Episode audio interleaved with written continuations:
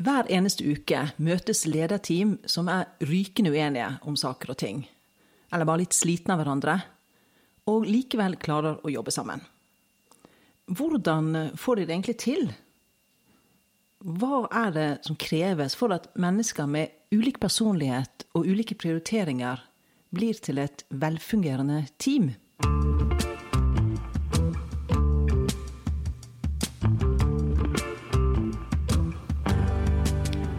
Velkommen til en ny episode av Snakk om jobb.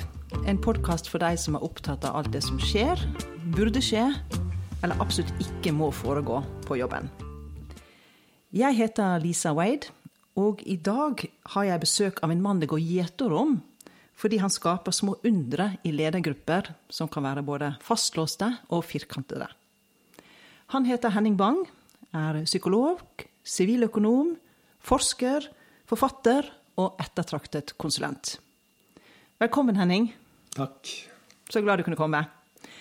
Du er vel den personen i Norge som vet mest om eh, dysfunksjonelle lederteam?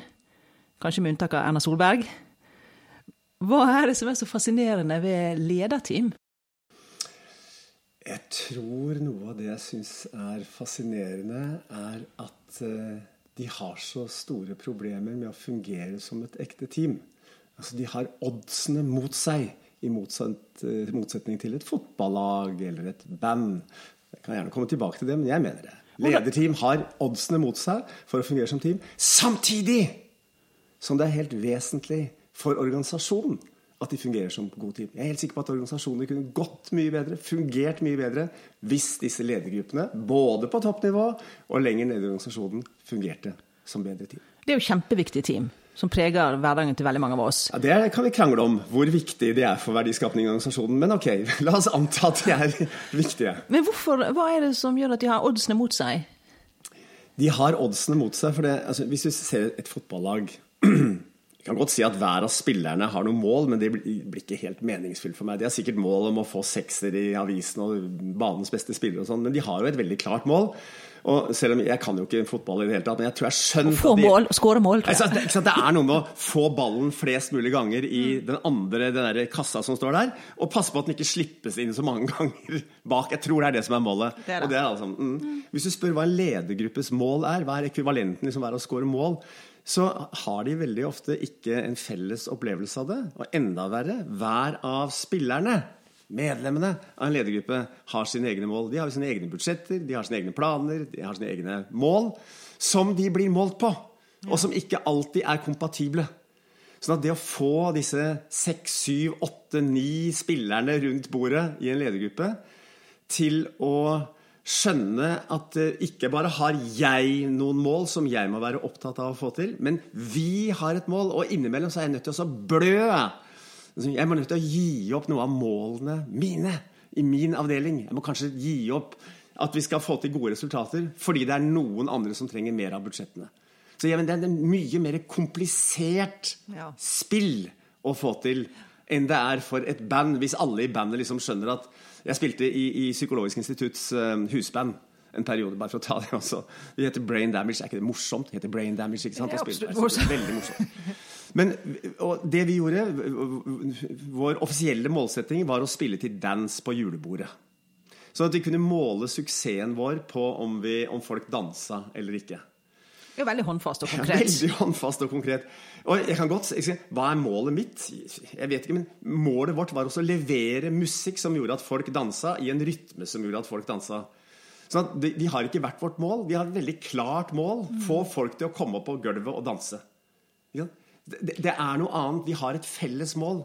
Det er mye vanskeligere å si at en ledergruppe har det. De kan godt si det. Vi har et felles mål om at bedriften skal gå bra, men det er ikke et mål. Men de mener det ikke, mener du? Jo, jeg tror de mener det også, men det sitter liksom det sitter ikke i hjertene på folk på samme måte. Det sitter kanskje i hjertet på lederen av ledergruppa. Men det som sitter i hjertene på veldig mange rundt en lederbordet, er jo at jeg skal få avdelingen min til å gå best mulig. Ja, Så de er egentlig litt sånn tillitsmenn for sine respektive avdelinger? Er det det du vil si, da? Jeg vil si at det er en av problemene jeg prøver å jobbe med når vi jobber i ledergrupper, mm. er å få dem til å løsne noe av det Hvis det er det de sitter og er. ikke sant? Representanter, tillitsvalgte for egen gruppe. Mm. Mm. mm. Ok, Så det er fascinerende ved, ved lederteam, for de rett og slett har oddsene mot seg. Men de får det jo til Ja, ikke vel, da? Veldig ofte? Ja Eller gjør de ikke det? Jeg har tenkt mye på deg der. Altså, det, det, det, la meg si noe om det. Jeg har jobbet med veldig mange ledergrupper etter hvert nå. Jeg har jobbet med ledergrupper siden ca. 1990 og, og intensivert de siste 10-15 åra har liksom det blitt min store obsession i arbeidslivet, tror jeg vil si. Å, se, å komme over ledergrupper og se om jeg kan få dem til å fungere bedre. Jeg opplever nok at eh, det er ikke så mange ledergrupper som er råttent dårlige. Jeg synes det er veldig mange, når jeg gikk på ungdomsskolen, så fikk vi sånn meget G og sånn. Det er mye G. Det er mye G. Det er mye G. Det er litt trist, Det er sånn midt på treet. Ja. Jeg- sant? Og det betyr det at det er sivilisert, de holder det gående, de har greie møter, ja, liksom. Da, det, men det er eh, greie nok. Folk syns det er ganske kjedelig og litt Ja. of time og sånt nå. Ja. Men det er liksom ikke Det er ikke en fullstendig energidrain å være der. Nei, så for, for meg så er det ikke at de er så himla dårlige, men de tar ikke ut potensialet sitt. Det er, de, de er ikke klar nok over hva er det vi skal, hvilken jobb skal vi gjøre. Denne arbeidsgruppa som ledergruppa er. Men du, før vi går inn på, jeg vil gjerne høre litt om hva, hva skal til for at de tar det ut? For det er jo det vi ønsker å gi lytterne her noen råd da, for hvordan de faktisk kan bli Jeg kan bedre. Ikke, kan ikke be meg si det nå allerede. Nei, vi, kan ikke, nei, vi, nei, vi, må, vi må begynne. Vi, må ta litt, altså, eh, vi har snakket om at de har oddsene litt mot seg. Ja. Og så, og, men de møtes jo da jevnlig. Kanskje ukentlig. Ja, det er vanligste. vanligste. Ukentlig eller annenhver uke. Ja. Vi har gjort en undersøkelse som viser at ledergrupper, i Norge i hvert fall, bruker i gjennomsnitt 11-12 timer i måneden på Ja. møter. Om det er én gang i måneden, annenhver uke eller hver uke, det er litt forskjellig. Hva gjør de på disse møtene, egentlig? De, hvis vi skulle klassifisere litt, så, så gjør de tre typer eh, aktiviteter. De, og, og den, som, eh, den aktiviteten som på en måte er den kjedeligste, men som det er veldig lett å henfalle til, er å informere hverandre. Så hvis jeg er leder av ledergruppen, så kommer jeg og informerer om hva møter jeg har vært i, og jeg har vært i styret eller jeg har vært i ledergruppen over, og dette er det som skjer nå. Og så sitter dere og hører. Og så tar jeg kanskje Tar vi runden? Hvordan går de seksjonene? Avdelingene? Uh, og det, det er veldig sjelden folk gleder seg voldsomt til den runden. Og den kan ta, Vi har satt av 15 minutter, men av en eller annen merkelig grunn så tar den alltid 40 minutter, den runden. Ikke sant? Så de, de informerer hverandre. Det andre de driver med, de, de diskuterer jo faktisk også en del ting. Så det er ikke bare å informere hverandre. Nå, det, nok en gang, Det henger litt sammen med størrelsen, så, men hvis en ledergruppe er veldig stor, så blir det veldig mye informasjon ofte. Men la oss si at den er sånn 6-7-8 personer, så vil de også ofte ta inn problemstillinger som de trenger å få belyst, som de trenger å få diskutert. Så de bruker tid på å diskutere, kvalitetssikre. Det kommer et forslag opp fra en avdeling, ikke sant? så sier de ja, hva tenker vi om dette? Hva syns vi om dette? Diskusjoner. Og så bruker de tid på å beslutte. Selv om vi må være litt nøye der, for det er noen ledergrupper som sier at nei, vi fatter aldri beslutter i, i kollektiv. Det er det lederen som gjør. Men likevel så er ledergruppen et beslutningsorgan i den forstand at vi tar opp vi bruker tid på å diskutere en sak slik at jeg får et godt beslutningsgrunnlag for å fatte beslutninger. Men veldig ofte så, så hører jeg, for jeg sitter jo ofte og hører på ledergrupper, så, så har de en diskusjon, ikke sant? og så sier lederen ok, er vi da enige om at vi går for følgende? Og så nikkes det rundt bordet Det er med større typisk- eller mindre entusiasme. Ja, og det er vel en typisk sånn norsk, norsk lederformulering. Ja, det er sikkert. En sånn, er vi en enige sånn om at vi gjør det? balanse mellom at eh, det er lederen som bestemmer, men egentlig så er vi et kollektiv og bestemmer riktig. sammen. Det er en undertekst. ikke? Er vi enige om dette? Parentes, og nå sier faen meg ingen nei. Ja. det tror jeg. Ja. Mm, mm. Men bare, bare si at jeg bestemmer, det gjør ikke lederen så veldig ofte. Nei eh, det er, absolutt ledere som gjør det. Og særlig hvis man har diskutert og vi vet at her blir vi ikke enige. Altså Nå skal vi ha budsjettnedskjæringen og så prøver å ta en diskusjon om hvem som skal ta mest. Og det greier vi ikke å bli enige om. Og da skjer det nok en del ganger. Eh, Litt for sjelden, syns jeg. Men det det er jo absolutt ledere som sier vel, her greier vi ikke å bli enige. Så da blir det slik at du, Lisa, din avdeling må nok ta 30% av disse nedskjæringene. Og så skjermer vi eh, Hennings eh, avdeling. Ja, da hadde jeg nok protestert. ja da, men det må du gjerne gjøre. Men Ja. slik kommer det til å bli. Sånn blir det. Mm. Hva er, hva er liksom i disse diskusjonene, hva er det som er problemene, egentlig? Altså, du nevnte nå at en, eh, en liten informasjonsrunde som var berammet til 15 minutter, plutselig tok 45. Så det er jo noe med dette med, med, med tidsstyring. Men når mennesker i en ledergruppe, fem, seks, syv, åtte personer, sitter sammen og snakker sånn, sånn så oppstår det jo noen gnisninger. Kan i hvert fall gjøre det. Ja. Ja. Kan, lett, kan lett oppstå noen Kan gnisninger. oppstå, Ja. Hva dreier de seg om? For det, da tror jeg vi er ved kjernen av noe av det jeg Hvis jeg ser tilbake på arbeidslivet mitt, som jeg har holdt på med, for jeg drev jo parterapi i syv og et halvt år også, så jeg, jeg, tror jeg har hatt en sånn hang til å skjønne hvordan kan mennesker som er forskjellige, mener noe forskjellig, snakke sammen på en måte som gjør at de forskjellene ikke blir til store irritasjoner og i verste fall konflikter. Veldig spennende. Ja, jeg syns det er veldig spennende. og får jeg, sant, jeg, får lov til å pendle litt ut av ledergruppen også. For jeg mener at mm. dette her er jo liksom noe av, det, dette er noe av livet. Mm. Jeg gifter meg med Kirsti, ikke sant? og Kirsti er lik meg på noen områder og ulik meg på andre områder. Og, hvordan, og jeg har lyst til å være gift med henne. Hvordan skal vi få til et liv som gjør at jeg ikke går på veggen av måten hun er forskjellig fra meg på? Jeg har venner, ikke sant. Vi er forskjellige. Jeg er på en arbeidsplass, vi er forskjellige. Så jeg mener den der måten vi håndterer forskjeller Vi kommer ikke til å komme unna det. Og det er noe av eh, naiviteten i enkelte sånn teamgreier også. Jeg, skal, jeg, setter det litt på spissen og kaller det naivt. ikke sant? Altså, drømmen om å sette sammen, eller finne den som er så lik meg at det ikke blir noen gnisninger. Drømmen om å sette sammen den ledergruppen hvor vi er, å, vi er så kompatible og vi tenker så likt. Nei, du kommer ikke til å finne det. Det er alltid forskjeller som kommer til å dukke opp. Dette var en lang introduksjon til noe av det som blir utfordringen, er da at når vi, når vi diskuterer saker Mange av sakene vi diskuterer på ledermøtene, kommer ikke til å være farlige forskjeller i.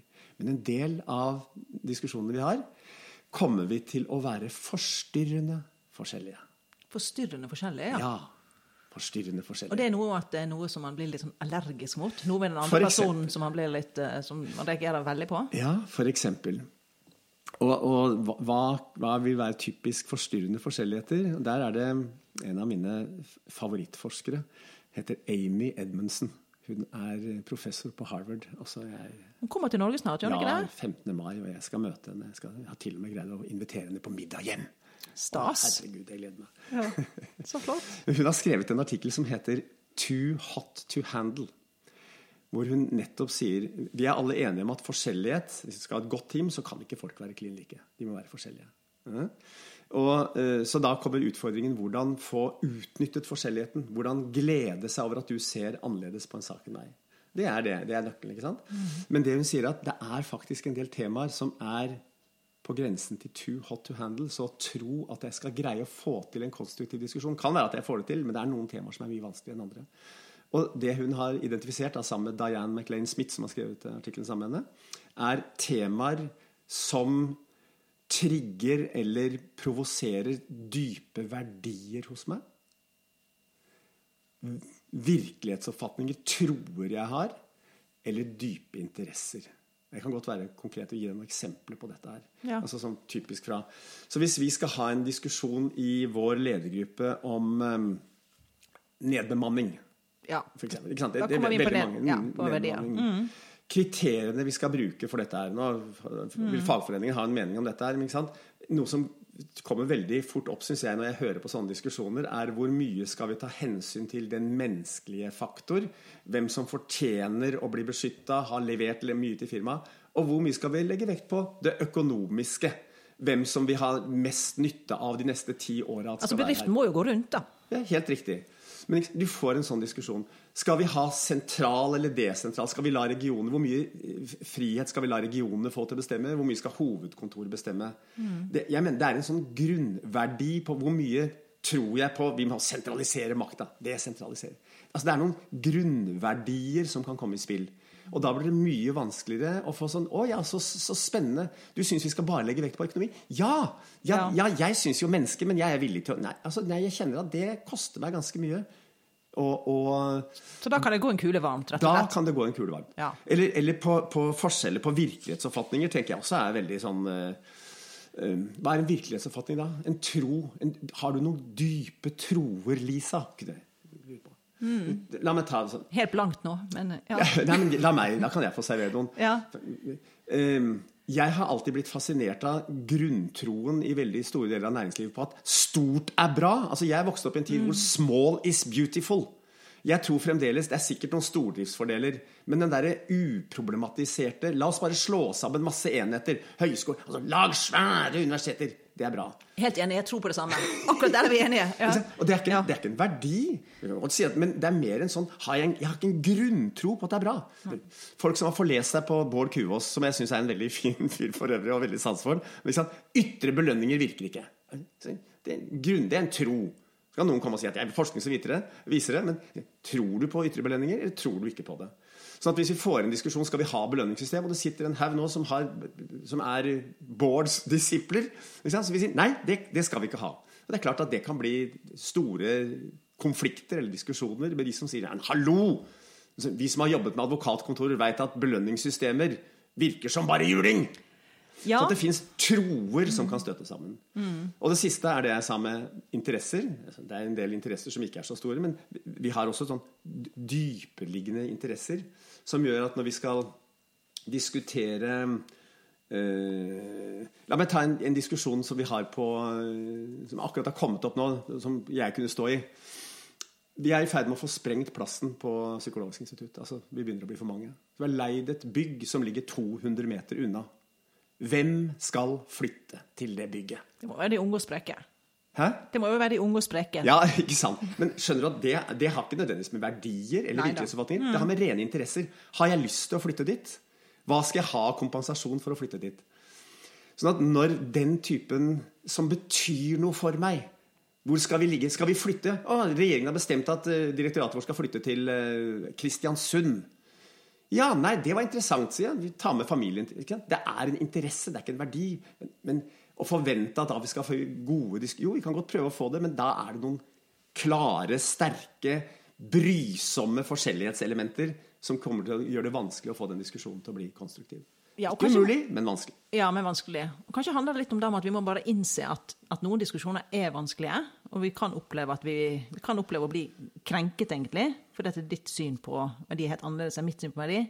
Og at det må vi leve litt med. Ja det, må vi det? Ja, det tror jeg vi må. Men, men jeg bli litt mer robuste? Ja da, men jeg, jeg, jeg, jeg, har lyst til å gå enda litt nærmere. Ja, altså, ja. For jeg mener eh, Livet består jo ganske Det er jo ikke bare i ledergrupper, men hvis vi begynner å tenke Hender det at jeg er i konstellasjoner hvor verdiene blir satt på prøve? Mm. Virkelighetsoppfatningen, interesse? Ja da. Det er jo hverdagen, nesten. Hele tiden. Noen ganger i uka. Hele tiden. Mm. Så, så, jeg syns utfordringen Og her, her, er jeg nok veldig inspirert av det jeg lærte når jeg drev parterapi. Og så var jeg for uh, et par uker siden på et sånt uh, kurs med noen som heter John og Julie Gottman. Som er noen veldig kjente uh, amerikanske parterapeuter. Som er veldig opptatt av Det vi må lære oss, er hvordan fort, altså holde samtaledøra åpen selv når vi kommer ned på sånne temaer. Så hvordan er det mulig, hvis vi nå får beskjed om at vi skal flytte til Kristiansund, ikke sant? istedenfor å bare si nei, nei, nei? Ja. Er, det, er, det, mulig å holde den samtalen? Altså, mm. Det er ikke sikkert jeg kommer til å ville det, men det, hva kan jeg få? Hva kan jeg kompensere? Altså, hvordan er det mulig å finne løsninger som gjør kompromisser? Mm. Fortsette å snakke sammen. Fortsette å snakke sammen. Uh, og, og det, det, som veldig ofte skjer med oss mennesker, og jeg kjenner det uansett hvor mye jeg kan disse teoriene, så skjer det med meg også, når noen begynner å tale for verdier som er støtende for meg eller vanskelig for meg å akseptere, så blir jeg veldig lite nysgjerrig. Ja, Og nysgjerrighet er vel et nøkkelord her? ikke sant? Tenk om jeg kunne frikoble, og jeg prøver å gjøre det, og bli nysgjerrig på interessene dine, verdiene dine, hva er det som er så viktig, uten å tenke at når jeg begynner å bli nysgjerrig, så skal jeg gi meg. Mm. Så det å skjønne hva er det som ligger bak det du ønsker Ja, det er jo ja, Vi har lært om at, det, at det er, de fleste mennesker handler jo rasjonelt innenfor sitt virkelighetsbilde. Ja. Sitt verdensbilde. Ja, det gir mening. Men det er bare det at du og jeg kan ha ulikt, ulike verdensbilder. Mm -hmm. Og det, det verdensbildet ligger jo bak veldig mye av det vi sier og tenker. Så for å komme videre, så må vi jo prøve å grave litt, da, for å komme fram til noe som kan bli et kompromiss. Det er helt riktig. Men lysten til å gå inn i ditt verdensbilde, hvis den er helt ukompatibel og direkte støtende for meg, den lysten er veldig lav. Mm. Den lysten er jeg veldig overbevist om at er viktig å prøve å vekke til live. Og få folk til å skjønne at det å gå inn i din virkelighetsoppfatning, Lisa, det er ikke ensbetydende med å si 'jeg er enig med deg' eller 'gi meg' så kan vi skille mellom å forstå hvordan verden ser ut fra ditt standpunkt, det jeg kaller perspektivbevegelighet, Ikke sant? Mm. Og så kan jeg, når jeg, nå tror jeg jeg skjønner hva du mener. Så kan jeg løpe tilbake til mitt perspektiv og si fremdeles er jeg bånn uenig med deg, men da skjønner jeg i hvert fall hvorfor du har havnet her. Hvorfor det er så viktig for deg å gjøre eller stå for det du sier at du står for. Så det går an å på en måte si vet du, nå setter jeg det jeg mener om dette her, jeg tror jeg er uenig med deg, jeg setter det på hold litt, men jeg vil gjerne høre litt mer om hva, hva, hva tenker du egentlig om å flytte til Kristiansund? Hvorfor du, har du så mye imot det, og Nydelig hva kan begrep. vi gjøre for å Nydelig begrep. Ja, og sett, sett, det på hold. Det er det det snakkes om. Ja. Ikke kaste det vekk. Ikke slutte å tenke at det, Nei, men sett det på hold. Slutt å tenke en periode. Mm. Mm. Vi, og det, vi vet jo det, at det skjer noe skjønner du, med samtalen hvis jeg opplever at en som har et veldig ulikt standpunkt, interesse Hvis jeg merker at du er jo genuint interessert i å prøve å skjønne hva jeg er interessert i, så øker sjansen for at vi får til en god samtale, og til og med kanskje greier å finne et kompromiss. Mm. Mm. Men det er dette her med å ha en genuin interesse, da. Ja, og tro at det er mulig, eller greie mm. å, å, binde de For det, det, som skjer når du støter på mine dypere interesser og verdier, er at jeg blir jo så sinna. De fleste av oss blir jo så irriterte. Hvis pulsen, Nå hørte jeg på dette foredraget at når pulsen vår overstiger 100, så får vi tunnelsyn og det er eh, hormoner i blodet som gjør at vi, vi går i fight-flight-modus. Og jeg kjente det veldig igjen. altså. Ja, og det skjer i ledergrupper også. skjønner du, At folk blir så opphissa. Og da blir vi elendige på å gjøre akkurat det jeg snakker om nå. Mm. Mm. Nemlig å lene seg inn i hverandres perspektiv og prøve å skjønne det før vi går videre og drar fram sverdet igjen. Hvis vi går tilbake til lederrommet litt, ledermøtet her nå. Vi er der og sånn. Og da da er det jo noen ting eh, som man kan irritere seg over hverandre. Og så er det, jo egentlig, det er jo egentlig en påkjenning å møte de samme gruppe mennesker igjen og igjen og igjen. Altså, det kan være en påkjenning. Det kan være, må vi ja, si. Vi må si det sånn. Ja, det, det er noen som elsker hverandre mer og mer også, skjønner du. Ja, Eller ja. liker hverandre mer og mer. Ja, men man må liksom gjennom en del lange møter og sånn, så det kan, kan være litt sånn. Um, og så er det vel alltid saker som ikke blir tatt opp. Ja. Som kanskje er problematiske med teamet, med enkeltmedlemmer i teamet. Um, og jeg Jeg har hørt deg si at du har en forkjærlighet for elefanten i rommet. For å sette navn på den? Ja. For det er vel noen elefanter i rommet der eh, i ledergruppa? Ja. Jeg, jeg, tror, jeg håper ikke jeg har sagt at jeg har en for, forkjærlighet for å sette navn på elefanten. For jeg er Sannheten er at i, i, i nesten alle relasjoner, eh, særlig på hjemmebane kanskje, eller nære relasjoner, men for så vidt også i ledergrupper som har vart en stund, så, så er det ofte noen, noen, elefanter som kan være små eller store, eh, i den forstand at det er noen temaer alle tenker det er dette vi egentlig bør snakke om. Mm. Det er dette som hindrer oss å fungere godt. Men det blir så pinlig å snakke om det. Eh, jeg vet ikke hva jeg risikerer hvis jeg snakker om det. Eller det nytter ikke. Det vil ja. være på grensen til mobbing å ta opp den væremåten. Men sånn I ledermøter så kan så, du jo Ja. Mm. Nei, for, bare, for, ja. At, mm. for å si at, en, at, jeg har en forkjærlighet Jeg sier nok at jeg tror en del ganger så må noen hjelpe dem til å snakke om det som er helt vesentlig å snakke om. Det var positivt ment. Det var sånn ja. jeg tenkte. Sånn at den der, Idet jeg kjenner lukten av en elefant, har dere Henning inne, så går han rett bort og sier 'se på den ekle'. Nei. For det er der jeg får lyst til å ta den. For jeg, jeg, tror nok også, eh, og blir kanskje mer og mer sikker på det, at det er noen elefanter som, eh, som skal få lov til å være der. Ja. Altså, og nå må, i, nå må, du høre meg på rett måte her. For jeg, jeg, mener, så sant elefanten virkelig hindrer oss i å fungere godt, eller meg i å få brukt meg selv på en best mulig måte, så tror jeg det kan være nyttig å adressere den. Men la oss si at vi har adressert den noen ganger. Og eh, så lenge Lisa er leder av denne gruppa, så kommer hun til å gjøre noe som driver noen til vanvidd. Eh, ikke sant? -hmm. På et eller annet tidspunkt så kan det være at jeg må spørre meg skal jeg adressere det en gang til. Eller skal jeg tenke så lenge Lisa er her så, Det er noe jeg får på kjøpet med Lisa. Så istedenfor å ta det opp en gang til, så ja. Ja, men problemet er vel egentlig ikke at folk tar opp dette veldig ofte. Nei, problemet er, er, vel egentlig at man aldri tar opp ja, ting. Ja, ikke sant? Det er helt riktig. Hvis du bare tar på en sånn enkel tid, så hvem er det som bruker taletiden i en ledergruppe? Mm, det er en liten elefant. Irriterende nok, men en liten elefant. ja, det er en liten elefant. Men det er jo en sånn ting som kan faktisk skape litt endringer og ikke så forferdelig eh, vanskelig å ta opp? Er det? Jeg er så enig med deg, og jeg blir veldig fascinert av hvor vanskelig folk uh, ser ut til å synes det er. Altså En så enkel ting som Alle må jo kjenne igjen den. At det er noen som A. tar ordet for ofte, som ikke, altså hver gang det er, så kommer hånda opp. ikke sant? Og andre som kanskje ikke tar ordet så ofte, men de holder det så jævla lenge. Om igjen og om igjen. om igjen. Og snakker egentlig det samme. Ja. Ja, ja. men nå tenkte jeg La oss si en som ikke tar ordet så ofte, men når den personen tar ordet, så Jeg husker det en som sa jeg skulle ønske jeg hadde en, en pose punktum som jeg kunne kaste på deg etter at du har holdt på ett minutt. Ja. Uh, uh, og hvor folk sier til meg ja, hva, hva, gjør du da hvis du har en sånn i ledergruppa? Og jeg sier eh, si det til vedkommende, da. Nei, men kan du ikke si det? Da blir jo vedkommende Og jeg kan på en måte skjønne det, for det er jo ikke bare å si det, så rekke opp hånda midt under et ledermøte og si for øvrig har jeg en ting å si til deg, Lisa. Du, du, du må sette punktum litt. Altså, det er jo å gå meta. Det, det. Men det å lage arenaer for å ha den type samtale Så jeg mener jo dette er en av Hvis jeg skal allerede nå begynne å si noen tips, ikke sant? Ja, jeg syns vi skal si noen tips. Absolutt. Ja, at, og det mener jeg det gjelder alle, alle typer teamkonstellasjoner, fra paret til ledergruppa til bandet til hva som helst. Eh, at vi lager arena hvor vi sier La oss bruke en halvtimes tid eller en times tid eller en ti minutter for den saks skyld til å snakke funker dette her. Så jobber vi på en ålreit måte? Er det noe vi bør gjøre annerledes? Så om en ledergruppe da sier om det kunne være i etterkant av et ledermøte, det er én arena å si at skal vi nå en liten periode, tre måneder fremover, bruke ti minutter på slutten av møtet på å snakke om hva fungerte bra, og hva fungerte ikke så bra i dette møtet. Og tørre å være konkrete. Eller to ganger i året så har vi en halv dag hvor vi snakker om f.eks. ledermøtene. Og gjerne med å peke på én og én. Så vi kunne ta, Dette gjør jeg mange ledergrupper. Én og én i fokus.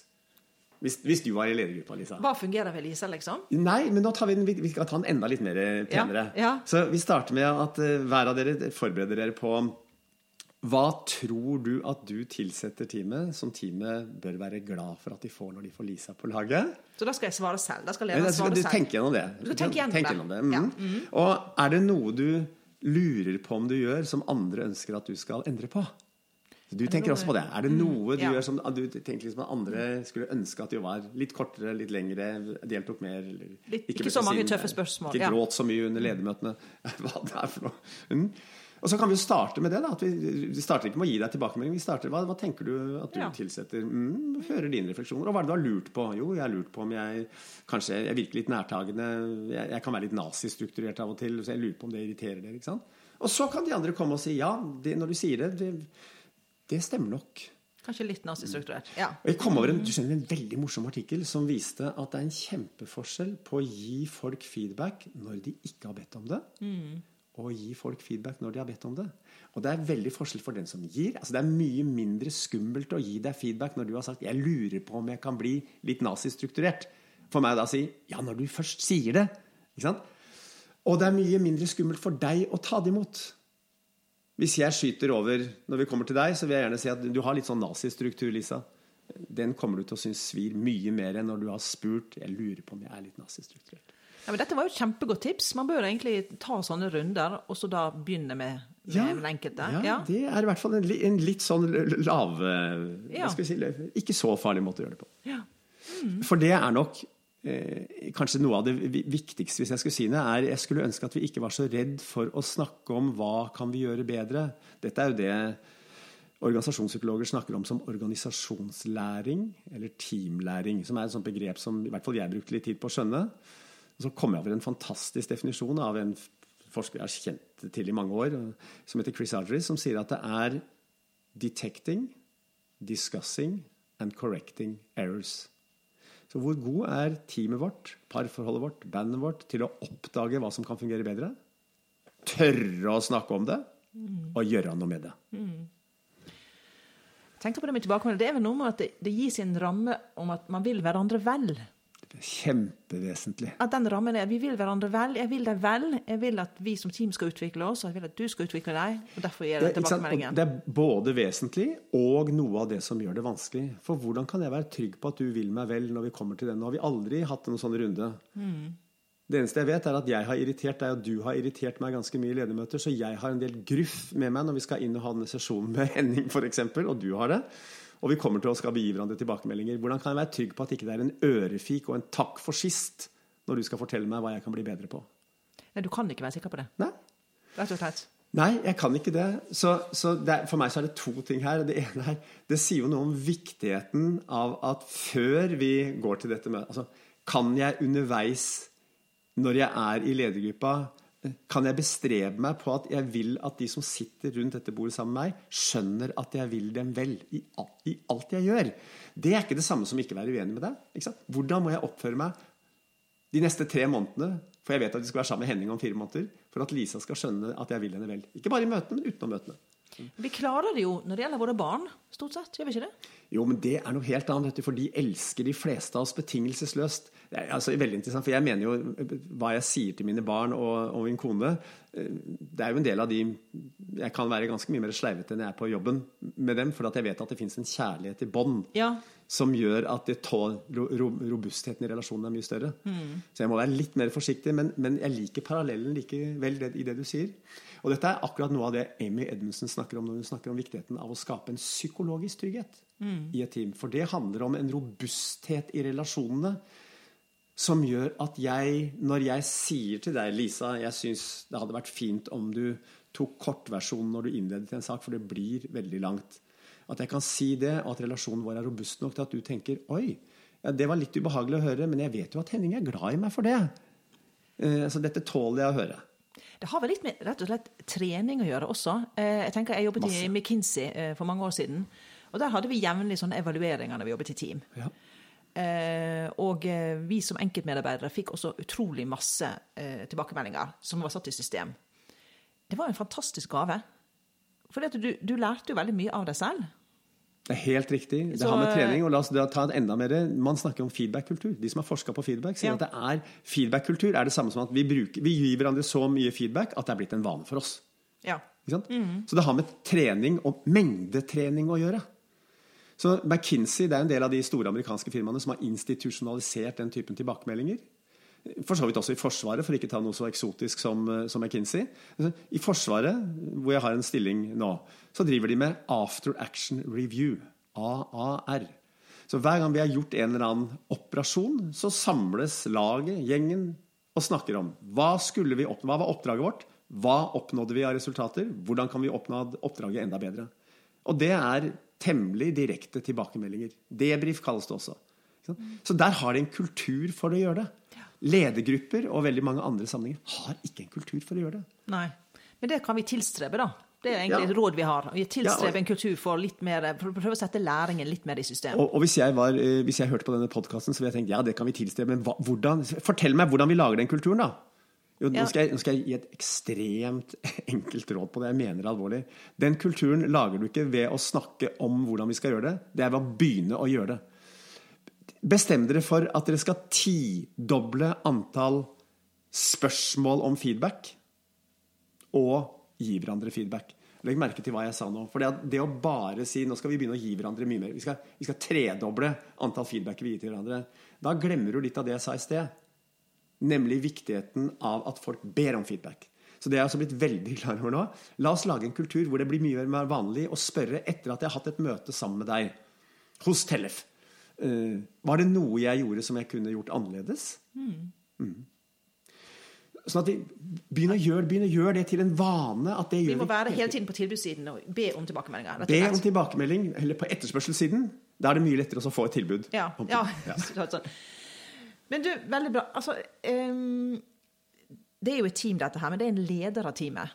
Spiller ikke Kan du si litt om lederens rolle for å få teamet til å fungere godt? Helt avgjørende. Helt avgjørende. Slett. Helt avgjørende. Ja. Uh, og det betyr ikke at altså, Teammedlemmene er, er, også veldig avgjørende. Men, men det jeg også syns jeg har blitt ser tydeligere og tydeligere, og vi begynner å få forskning på det også En leder, altså Det holder med én leder kan ødelegge et team ganske ettertrykkelig. Lederen greier nok ikke å løfte teamet til himmels alene. Da må du ha med deg de andre også. Men det er Gud så mye dævelskap en leder kan gjøre.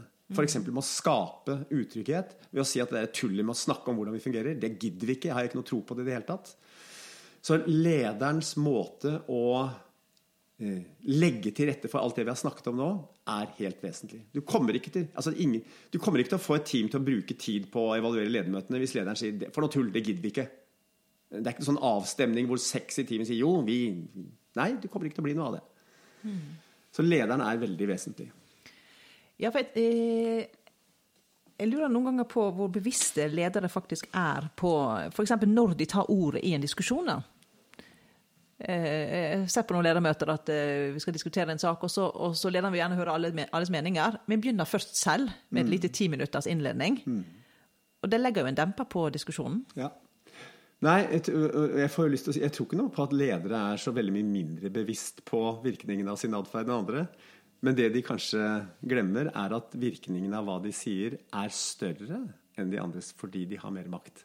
Ja. Så jeg har tenkt, for det er liksom Ledere er så lite bevisst på. Nei, alle er vi lite bevisst på. Men det er noen som kan gå rundt i den manglende bevisstheten litt enklere enn ledere. Men er du leder, så mener jeg du har en forpliktelse til å tenke hvordan virker min atferd. Litt, litt større grad enn andre. Alle bør tenke det, men ledere bør tenke det. Ja, litt større ansvar. Ja, ja absolutt. Mm. Mm. Fordi du setter klima. Du er så viktig for det klimaet, den atmosfæren som settes i gruppa, og ikke minst den tryggheten som jeg snakket om. Du, dette er jo superinteressant. Vi kunne snakket om dette her i timevis. Så eh, eh, jeg håper du kan komme igjen her en gang, eh, Henning.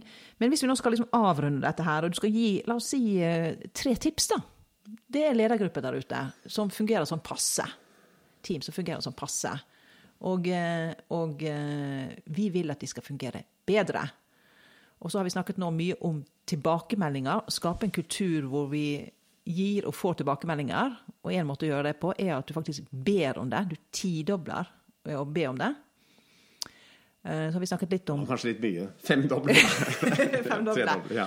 Men hvis du kunne tenke deg tre ting du skulle si til et lederteam som, som ønsker å bli bedre, mm. hva, hva, skulle det være? Mm. Og la oss ikke forutsette at de fungerer helt forferdelig dårlig, men Nei, sånn midt på treet. Ja, la, la meg mm. prøve. Mm. Uh, det, uh, ja, jo, ok, La meg prøve meg på det. Nå skyter jeg litt fra hofta. Altså, ja, men, men, det første fordi at det er så mange lederteam som ikke har diskutert hvorfor de er til, eller hva de skal skape, hvilken jobb de skal gjøre for organisasjonen. Så jeg sier det første jeg syns dere skal gjøre, er å diskutere hva, hvilken jobb skal vi gjøre for organisasjonen. Altså, hva skal vi skape, drive med, som vil være nyttig for organisasjonen vår?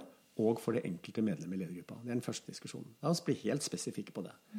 Hvorfor er vi til? Hvorfor er vi til? Og ikke lag en formulering som eh, reklamebyrået deres kommer til å elske. Lag en formulering, eller lag mange formuleringer og lag punkter, sånn at folk er helt sikre på ok, det er dette vi skal bruke tida på i ledergruppa vår.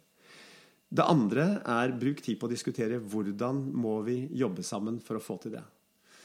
Og det høres veldig ut Men ikke sant?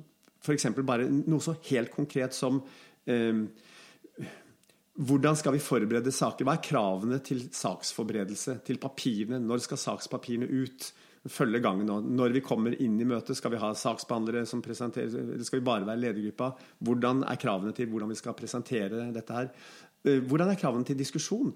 Skal vi tørre å være uenige med hverandre? Skal vi konfrontere hverandre? Skal vi bare stryke hverandre medhårs? Eh, viktigheten av at det konkluderes. Så vi prøver å lage liksom, spilleregler. Så konkret som mulig. Så konkret som mulig. Hvordan gjør vi det? Mm. Mm. Uh, og også tenke når jeg sier hvordan skal vi jobbe sammen, ikke bare tenke at ledergruppa eksisterer i ledermøtet, men hvordan må vi jobbe sammen utenom ledermøtene. Det har vi ikke snakket så mye om i dag, men det er helt klart at en ledergruppe fungerer jo også utenom ledermøtene. Så hvem trenger å snakke mer sammen? Er det en måte vi skal oppføre oss på når vi kommer tilbake til egenavdeling, som vi bør justere på når vi er del av en ledergruppe? Som vi ikke bør tillate oss å si eller gjøre fordi vi er del av den samme ledergruppa. Mm.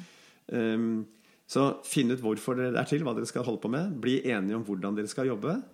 Eh, og så tror jeg den tredje må være noe av det jeg har snakket om mye om i dag. Eh, stopp opp innimellom og reflekter høyt sammen. Diskuter. Fungerer dette vi har blitt enige om? Jobber vi med de sakene vi har blitt enige om at vi skal jobbe med? Fungerer møtene? Fungerer måten vi jobber sammen uten møtene? Sånn at du stopper opp og lager det som kunne kalles læringsarenaer, hvor mm. man driver detecting, discussing and correcting errors. Ja, discuss, detecting, discussing and correcting. Ja. Oppdage hva som kan fungere bedre, preike om det og gjøre noe med det. Ja. Og Med de ordene sier vi tusen takk til Henning. Eh, ha en eh, riktig god uke, alle sammen. Og eh, Tenk på hvordan dere kan gjøre teamet ditt enda bedre ved å finne ut hva som fungerer, hva som må rettes på, og hvordan vi skal gjøre det. I neste episode skal vi snakke om utydelig ledelse, og hvorfor nordmenn er innsauset i en være grei-kultur som ikke gjør det enkelt å være leder og medarbeider. Egentlig mange likhetstrekk her med det vi har snakket om i dag. Inntil vi høres, jobb litt videre og ha en god og produktiv uke.